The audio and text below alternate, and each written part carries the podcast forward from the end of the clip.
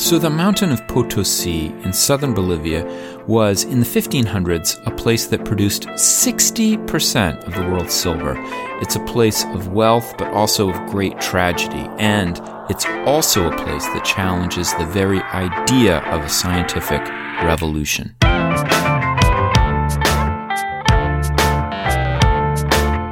It's time to eat the dogs. I'm Michael Robinson. Today, Jorge Canizares Esguerra talks about Potosi, its people and its technologies, and the way they shaped 16th century science. The story of the mountain challenges the classic story of the scientific revolution in Europe. Canizares Esguerra is the Alice Drysdale Sheffield Professor of History at the University of Texas at Austin. His work's been honored by so many different places, including the American Historical Association, the History of Science Society, and his book, his first book, How to Write the History of the New World, was cited as one of the best books of the year by The Economist, The Independent, and the Times Literary Supplement.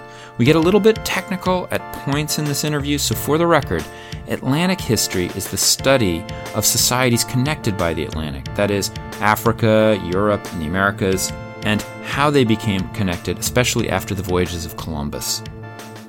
Jorge Canizares Esguerra, thank you for talking with me oh, today. Well, you're welcome. Thank you. You know, one of the criticisms we get as historians sometimes is that we choose these small questions and bore into them and don't pay enough attention to the big picture. But in almost all of your works, you look at the big picture issues a lot. You focus on things like, you know, the scientific revolution or the Atlantic world or how do we tell a history of the Americas. Um, and so I was wondering if you could give listeners at least a sense of this latest article you wrote on the scientific revolution. First, you know, what would be your kind of elevator speech for what is the scientific revolution? And then I'm going to ask you about how uh, you you challenge that idea. Right. Well, I have no idea what the scientific revolution is, but I do know that whatever folks tell us what the scientific revolution is is missing uh, fundamental aspects or substantive aspects of what transpired. Yeah, maybe you could just tell us what is the potted narrative of the scientific revolution? What do what is the kind of you know accepted narrative? Well, there there, there is the more popular one that is about these major transformations in the understanding of the cosmos that begin first with Copernicus, uh, then then uh, Galileo, and finally uh, culminate with Newton. And it's mm-hmm. about uh, a revolution in our understandings of physics, in our understandings of the cosmos. Uh, that that I think is the uh, Carl Sagan interpretation that is out mm-hmm. there with most folks, uh, and it has it has heroes with names: Copernicus, Galileo, Newton, and then others kind of in between: Descartes, uh, Bacon if you are truly uh, sophisticated. And it has to do with uh, modernity as well, kind of the arrival of modernity. We used to be uh, non modern, and now we are modern with this transformation. Uh, the earth and the cosmos uh, become finally familiar to us. We can understand it in terms of uh, science. In the past, we did not. We were kind of mired in these false, wrong ideas uh, about how the cosmos works. So mm-hmm. I think that is the the popular interpretation, and then historians have tinkered with that, of course, mm-hmm. and made uh, important contributions in that. Well, uh, who is really behind these processes? Uh, is it just a great man, or it's uh, other uh, protagonists or artisans who are doing mm-hmm. uh, machines who are doing or applying all these ideas uh, onto uh, machines and transforming the economy in the process of doing that. So modernity comes on the one hand with these uh, notions of the cosmos that are changing, but also with these other processes of mathematization of production, mathematization of nature, uh, the instrumentalization of nature as well, that led ultimately to the Industrial Revolution. So the two things kind of come together ultimately in the 18th century and lead to modernity as we know it. And and yet you argue that this uh, vision of the scientific revolution, maybe even the concept of the revolution itself, is deeply flawed. And you br- and you give some pretty um, detailed examples of it. One of the most striking was the the story of Potosi. I'm wondering if you could talk about uh, what this place was, what its function was, and then how do you think it challenges that view? Yes. Well, Potosi is a mountain in highland Bolivia that was essentially uninhabited when the Spaniards arrived in South America. Uh, and all of a sudden, from 1530 to 1600, it became one of the largest cities on earth. Uh, about 100, 160,000 people living in these, in these, the middle of nowhere, uh, very high up uh, in, in, the mountains, about almost 5,000 meters above sea level, what would be um, 14,000 feet. It's very high up in the mountains, mm-hmm. where uh, I would say by 1600, uh, 60% of the silver in the planet was produced in that mountain. Wow. So the thing with the with Potosi is how that happened and why that happened, and how it happened reveals uh, the nature of modernity and science uh, at the time. But it's a story that uh, transpires happens in places we don't usually think of when it comes to scientific revolution. Scientific revolution, in theory, happens in London, happens in Cambridge, happens I don't know Italy, Pisa, uh, that type of places, but not in Potosi and not with Indians in Peru. Um, so they, they seem to be antithetical. They mm-hmm. seem to be uh, unrelated. Um, so this the, the, argument is that Potosi uh, is not only the product of Spanish uh, colonialism and imperialism that was uh, forcing Indians to work in mines. The, that is the kind of picture we have most uh, school kids have of Spanish colonization is in Spaniards exploiting Indians, and if silver came from Potosi, it was that way through plundering and mm, murdering Indians. Mm-hmm. Uh, but it's, it's it's far more interesting and far more complicated story, in which uh, experimentation, in which uh, technologies of all kinds uh, were introduced and were modified uh, in scales that uh, are comparable to what happened in the Midlands uh, in England in the late 18th and early 19th centuries that we call industrial revolution. So, what do you see as the biggest technological advancements at Potosi during this time? So, for instance, Potosi. Potosi began as a mountain almost of pure silver. Uh, 1540s, Indians from all central Peru begin to arrive in the mountain and set up foundry uh, foundries in which they would take the rock and they melted in these Indian ovens that are called huayras, and there are 7,000 of them by 1560, producing massive quantities of silver by smelting the rock in these Native American ovens. But by 1560s, the purity of the silver in the rock begins to decrease, which meant basically that foundries and smelting could not could no longer produce uh, the silver that Potosi was producing, which basically meant the incorporation of Central European technologies. Mm-hmm. Fundamentally, mills, mills to crush the ore into powder uh, and then mix the powder with mercury and do all sorts of chemical process in order to uh, speed up the mixing time and then separate the amalgam from the silver, you, especially using, using water. That was the Central European model for extracting silver with mercury that came wholesale to central Peru. We're talking about thousands of mills.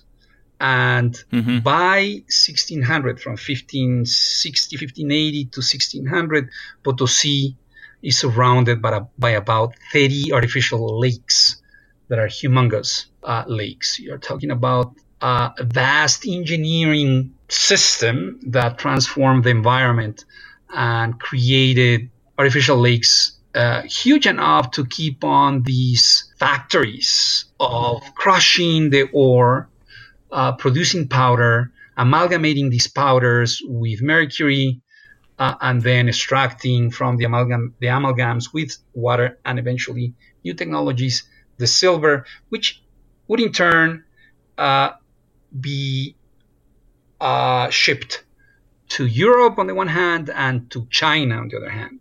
So, if I were to uh, play devil's advocate here, wouldn't you say that the, the let's say the drive for this kind of industrialized silver production is uh, generated from Europe and uh, did uh, rely primarily upon European technological techniques? How would you answer that? That is that is partially true. Indeed, uh, the uh, the market for silver was introduced by the arrival of the Spaniards and the Europeans to the Americas, definitely. Uh, but then Potosi wasn't a Spanish city by and large. Mm-hmm. Uh, it was a city uh, in which the Spanish monarchy as a whole was represented. So you have in Potosi by, six, by 1600 people from all over the world. You have Goans from India, you have Calicutians from India, you have folks from Macau, you have slaves from China, slaves from Japan, you have, of course, Native Americans, you have Europeans of all kinds, uh, not only Spaniards, you have Armenians, you have uh, Macedonians, Greeks. Well, I mean, it's a microcosmos of the globe mm-hmm. by 1600 living in highland Peru. And why you have people from all these places? Well, partly because the monarchy, uh, the Spanish monarchy, is a monarchy that is global by 1600 that includes both the Spanish and Portuguese empires in Africa, in India, in Asia, uh, and in the Americas.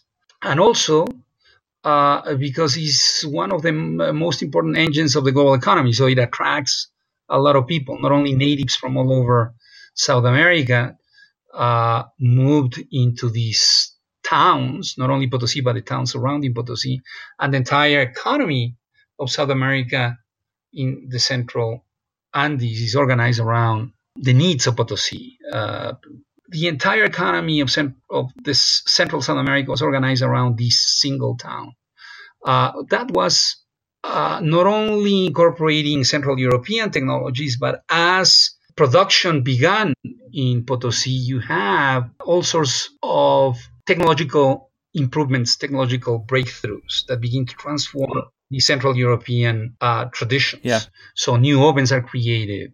Uh, new chemical processes are created, are introduced. Uh, and many, I mean, for instance, the production of mercury from ores. Uh, most of the innovation worldwide is coming from, from Peru. Uh, and then that innovation travels to Europe.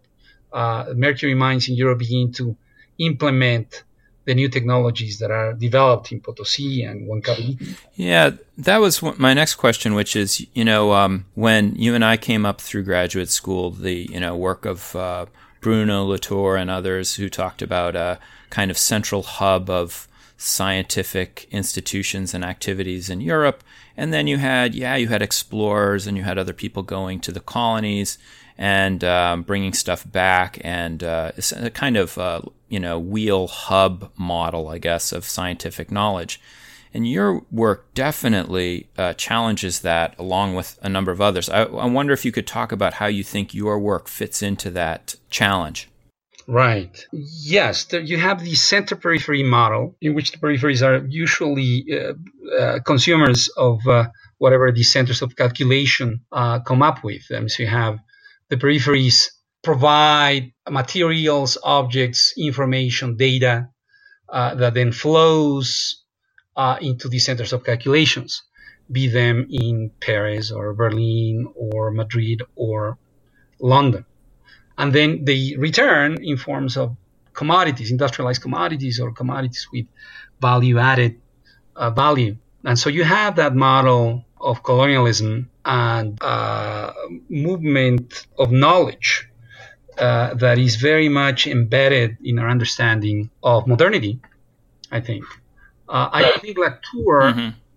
addresses that at all. I mean, his very model of centers of calculation imply that they have to be located in Europe. They have to be located in in uh, developed uh, places. It, it's in that model you have the uh, underdeveloped developed understanding of economies and geographies uh, implicit, Im- embedded in that model. And I'm saying, at least for the early modern period, the, the, the, the case of Potosi, that, that, that model doesn't work at all.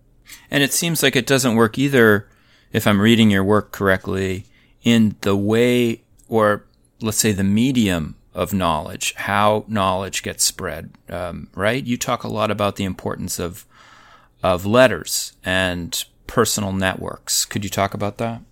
Yes, well, that, that is another element uh, of the work on Potosi that challenges the categories that we have to grapple with uh, the scientific revolution and grapple with notions of uh, modernity. The scientific revolution comes hand in hand with other categories. One of them is print culture. The second one is a republic of letters. And the third one is the public sphere. Mm-hmm. Uh, you don't have modernity without them we have been told, and democracy and everything that uh, we hold dear. But if you look at Potosi, it's a very good example of knowledge that is produced without print culture and without the Republic of Letters that is mm. That can be seen. It's a model of knowledge production that is not a liberal polity that, that produces lots uh-huh. of knowledge, but not in a liberal polity. So liberalism mm-hmm. with print culture, Republic of Letters, uh, public sphere is not a prerequisite to have innovation and transformation of knowledge, as the case of Potosi demonstrates. Uh, you have another model of political system that does not encourage print culture, in Potosi in particular, although the Spanish monarchy did have a very lively print culture, but folks did not get rewards by printing their innovations and making it available to the public. Uh-huh. That that wasn't the way it worked. It, it, it worked through an ancien regime model of rewards and merit, in which the crown has the key to uh, redistributed justice that we call grace. And through this model of grace and rewards, individuals would send requests to the crown uh, with and document all their innovations, technological innovations, and then get some kind of pension or some kind of uh, uh, transformation in their social status. Uh, they'll become nobles or something, or be knighted or what have you. Um, so the the system is an ancien regime system that is producing modernity, so which is antithetical to our notions of, of modernity itself. You have you can have ancien regime non-liberal uh, polities that produce modernity. So one, you know, when uh, when you wrote your book, your first book, well, I think it was your first book, um, How to Write the History of the New World. Uh, that was 2001, right? When that yes. Came? So yes, that was really there were two things going on as I remember it at that time. One was, um, you know, I was just starting grad school at that point. Well, I, no, I'd been in grad school since '98, but uh, it seemed like post colonial studies had really exploded within the field of uh, not only of history, but history of science. Um, and so there was that going on. And then at the same time, or slightly earlier in 1995, you had this um, seminar in Atlantic history that started at Harvard. And your your work really kind of touches upon both of those. You published this at the you know the early period of that, and I was wondering how you see your work within it and I'll tell you, I'll, I'll, just give you a hint of where I'm going with this. Um, one of the problems that I had with some of the post colonial studies uh, at this time was it seemed like everything uh, the work of scientists, the work of explorers, uh, the work of uh, virtually everybody who was in the Americas or in Africa or in Asia was doing the work of empire. And it seemed like um, not only were where there where's this this kind of mono monolithic empire story being told, but that the stories of indigenous peoples themselves was kind of muted, um, and there wasn't a whole lot of agency there. So anyway, that's too long a question, but I'm wondering if you could talk about that. Yes, definitely. Well, the, the book, what the book does is to demonstrate that many of the things we attribute to the European Enlightenment and to modernity, or to the 19th century uh, revolution in historiography, the professionalization of history, were first tried out in places like Mexico, places like Peru, whether they, ha- they whether they influence uh, Europe is something else. Uh, probably not. But the point is that in these places, the discipline of history witness innovations that are remarkable. That is also true for uh, the historiography in the Iberian Peninsula. So you were talking about uh, historiography and how your work. I can see the influence of that in your work, but at the same time, it seems to me that you also are let's say, are reacting against certain post-colonial ideas. I guess that's the way I would. Yes, yes, uh, yes, definitely. I am very critical of post-colonialism for very simple reasons. It has, um, even though it seeks to provincialize Europe, um, allegedly, it has ceded the category of the West to three countries on Earth through three tiny little societies. Um, and uh, that really bothers me uh, quite a bit because the West is a co-creation of it's a global co-creation, whatever that means. Do you think it actually just to, to stop you there? Do you think the West has meaning as a as a con- category? Well, I don't really think so. It has an ideological meaning that seeks to separate these three, four societies from the rest of the world.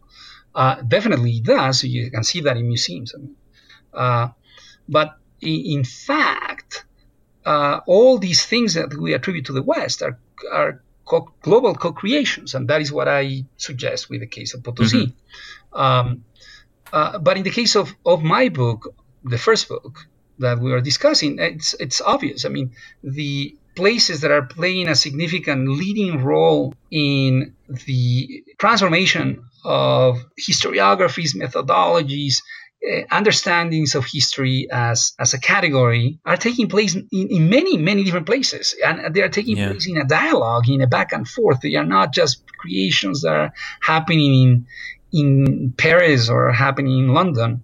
You see that with the Scottish Enlightenment. You see that with the French Enlightenment in their understanding of conjectural history. That is what the, the book tackles. The, the rise of conjectural history that in the 19th century is going to be transformed into linguistics, geology, mm-hmm. and all sorts of new disciplines. This need to be critical and skeptical of history uh, written history that, that, the Bible or all these n- historical narratives universal historical narratives that were predicated on written documents. Yeah. And the first place that is used in order to criticize uh, the reliability of historical narratives that are predicated on writing is the Americas. Uh, yeah. And so new conjectural histories of the Americas begin to emerge in the Enlightenment, but in the process of creating new methodologies that are not that do not rely on writing, but rely on the distribution of animals, that rely on the shape of mountains, rely on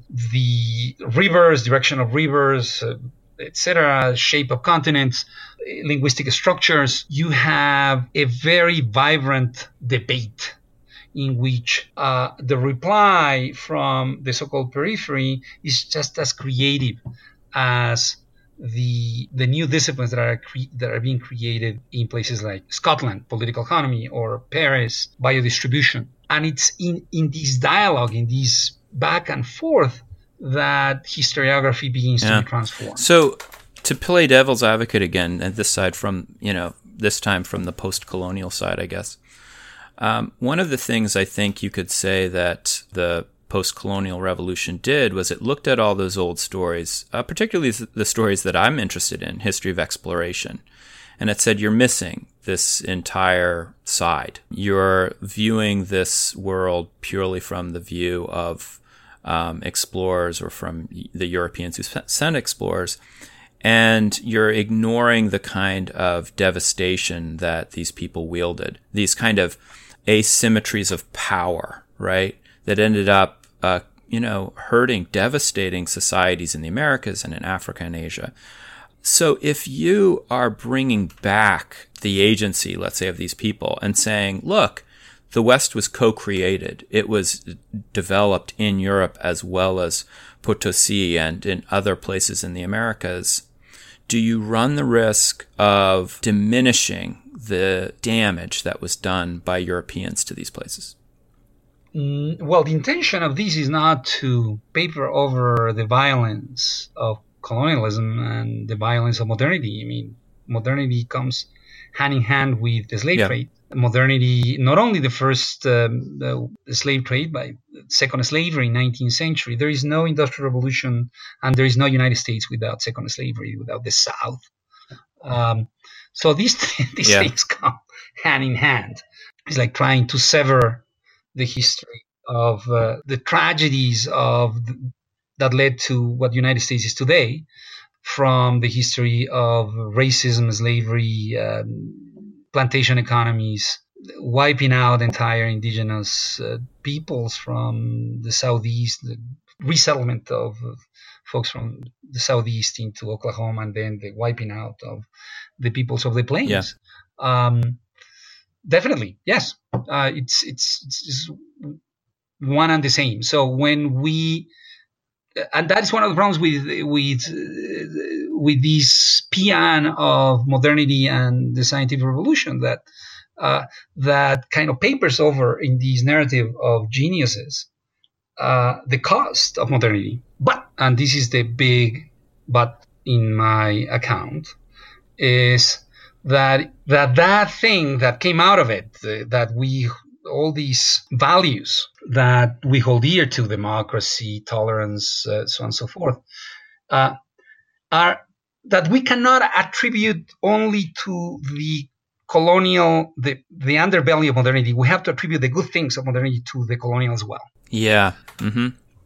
That we can, we have separated, we have created a epistemological geopolitics in which the good things of modernity are attributed to certain places that we call the West, and the underbelly of modernity that came with the good things we attribute to these other places that are Africa, South America, banana republics, and so on and so forth. So, and we feel yeah. there couldn't be a better deal. My interest in the history of science really grew through history of exploration, and that field has certainly changed a great deal in the last 20 years. But to me, there seems like a kind of essential tension between the perspective of the explorer and those of the people and the places being encountered. Do you think there's a way out of this, or there is there a way to write hmm. um, a better history uh, of ah. exploration? Well, that is a good question. I, yeah, maybe maybe to rephrase the question is, what do you think we should be paying attention to that we're we are not? I mean, there's definitely a much greater sensitivity in let's at least among historians who look at history of exploration to the perspectives of native peoples. But as your own work points out, that's not enough. Uh, I mean, post colonial studies does that too. I was just wondering if you had any thoughts, I guess. Yeah, I do. Like, I think the, the problem with with the narrative of exploration and uh, colonization and uh, host societies is that freezes in time these host societies.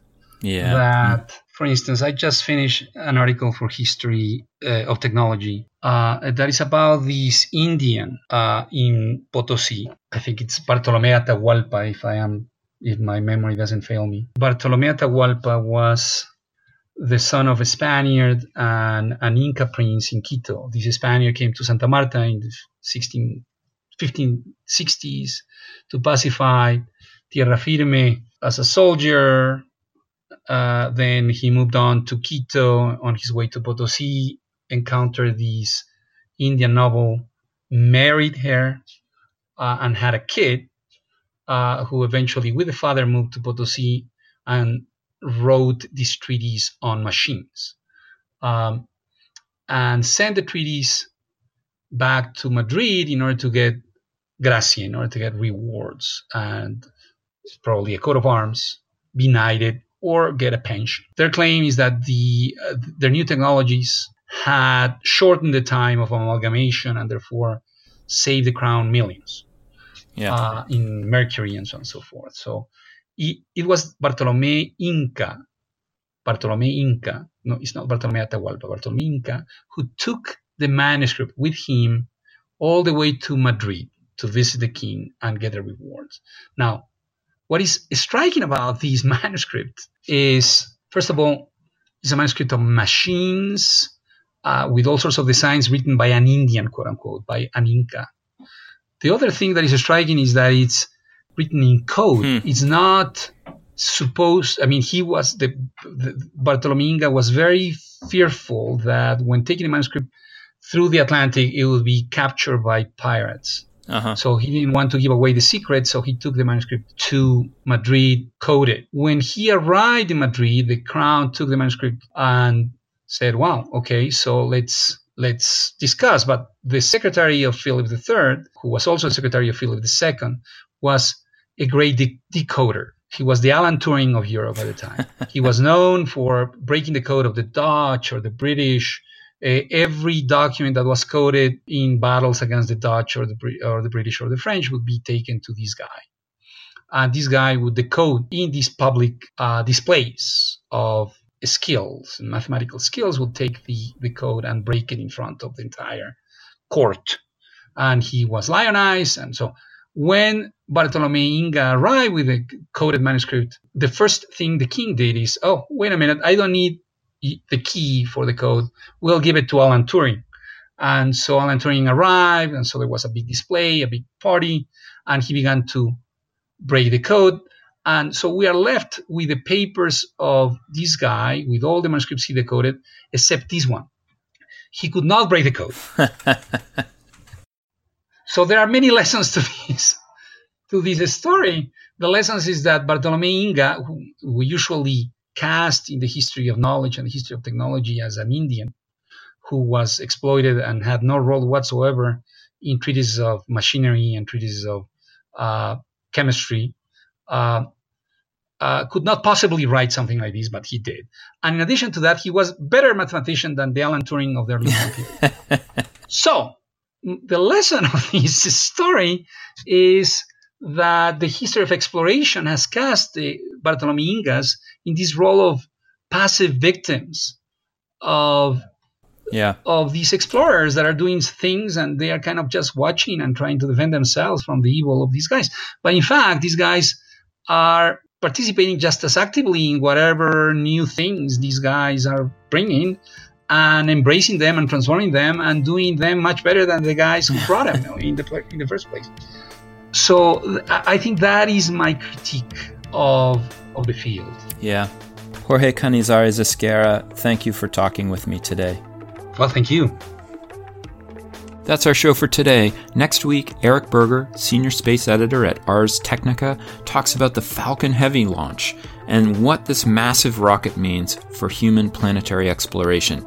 Let me ask you a favor. Please rate the show, leave a review, and tell your friends about the podcast. If you want to get in touch, feel free to email me. I'm at time to eat the dogs, one word, lowercase, at gmail.com. See you next week.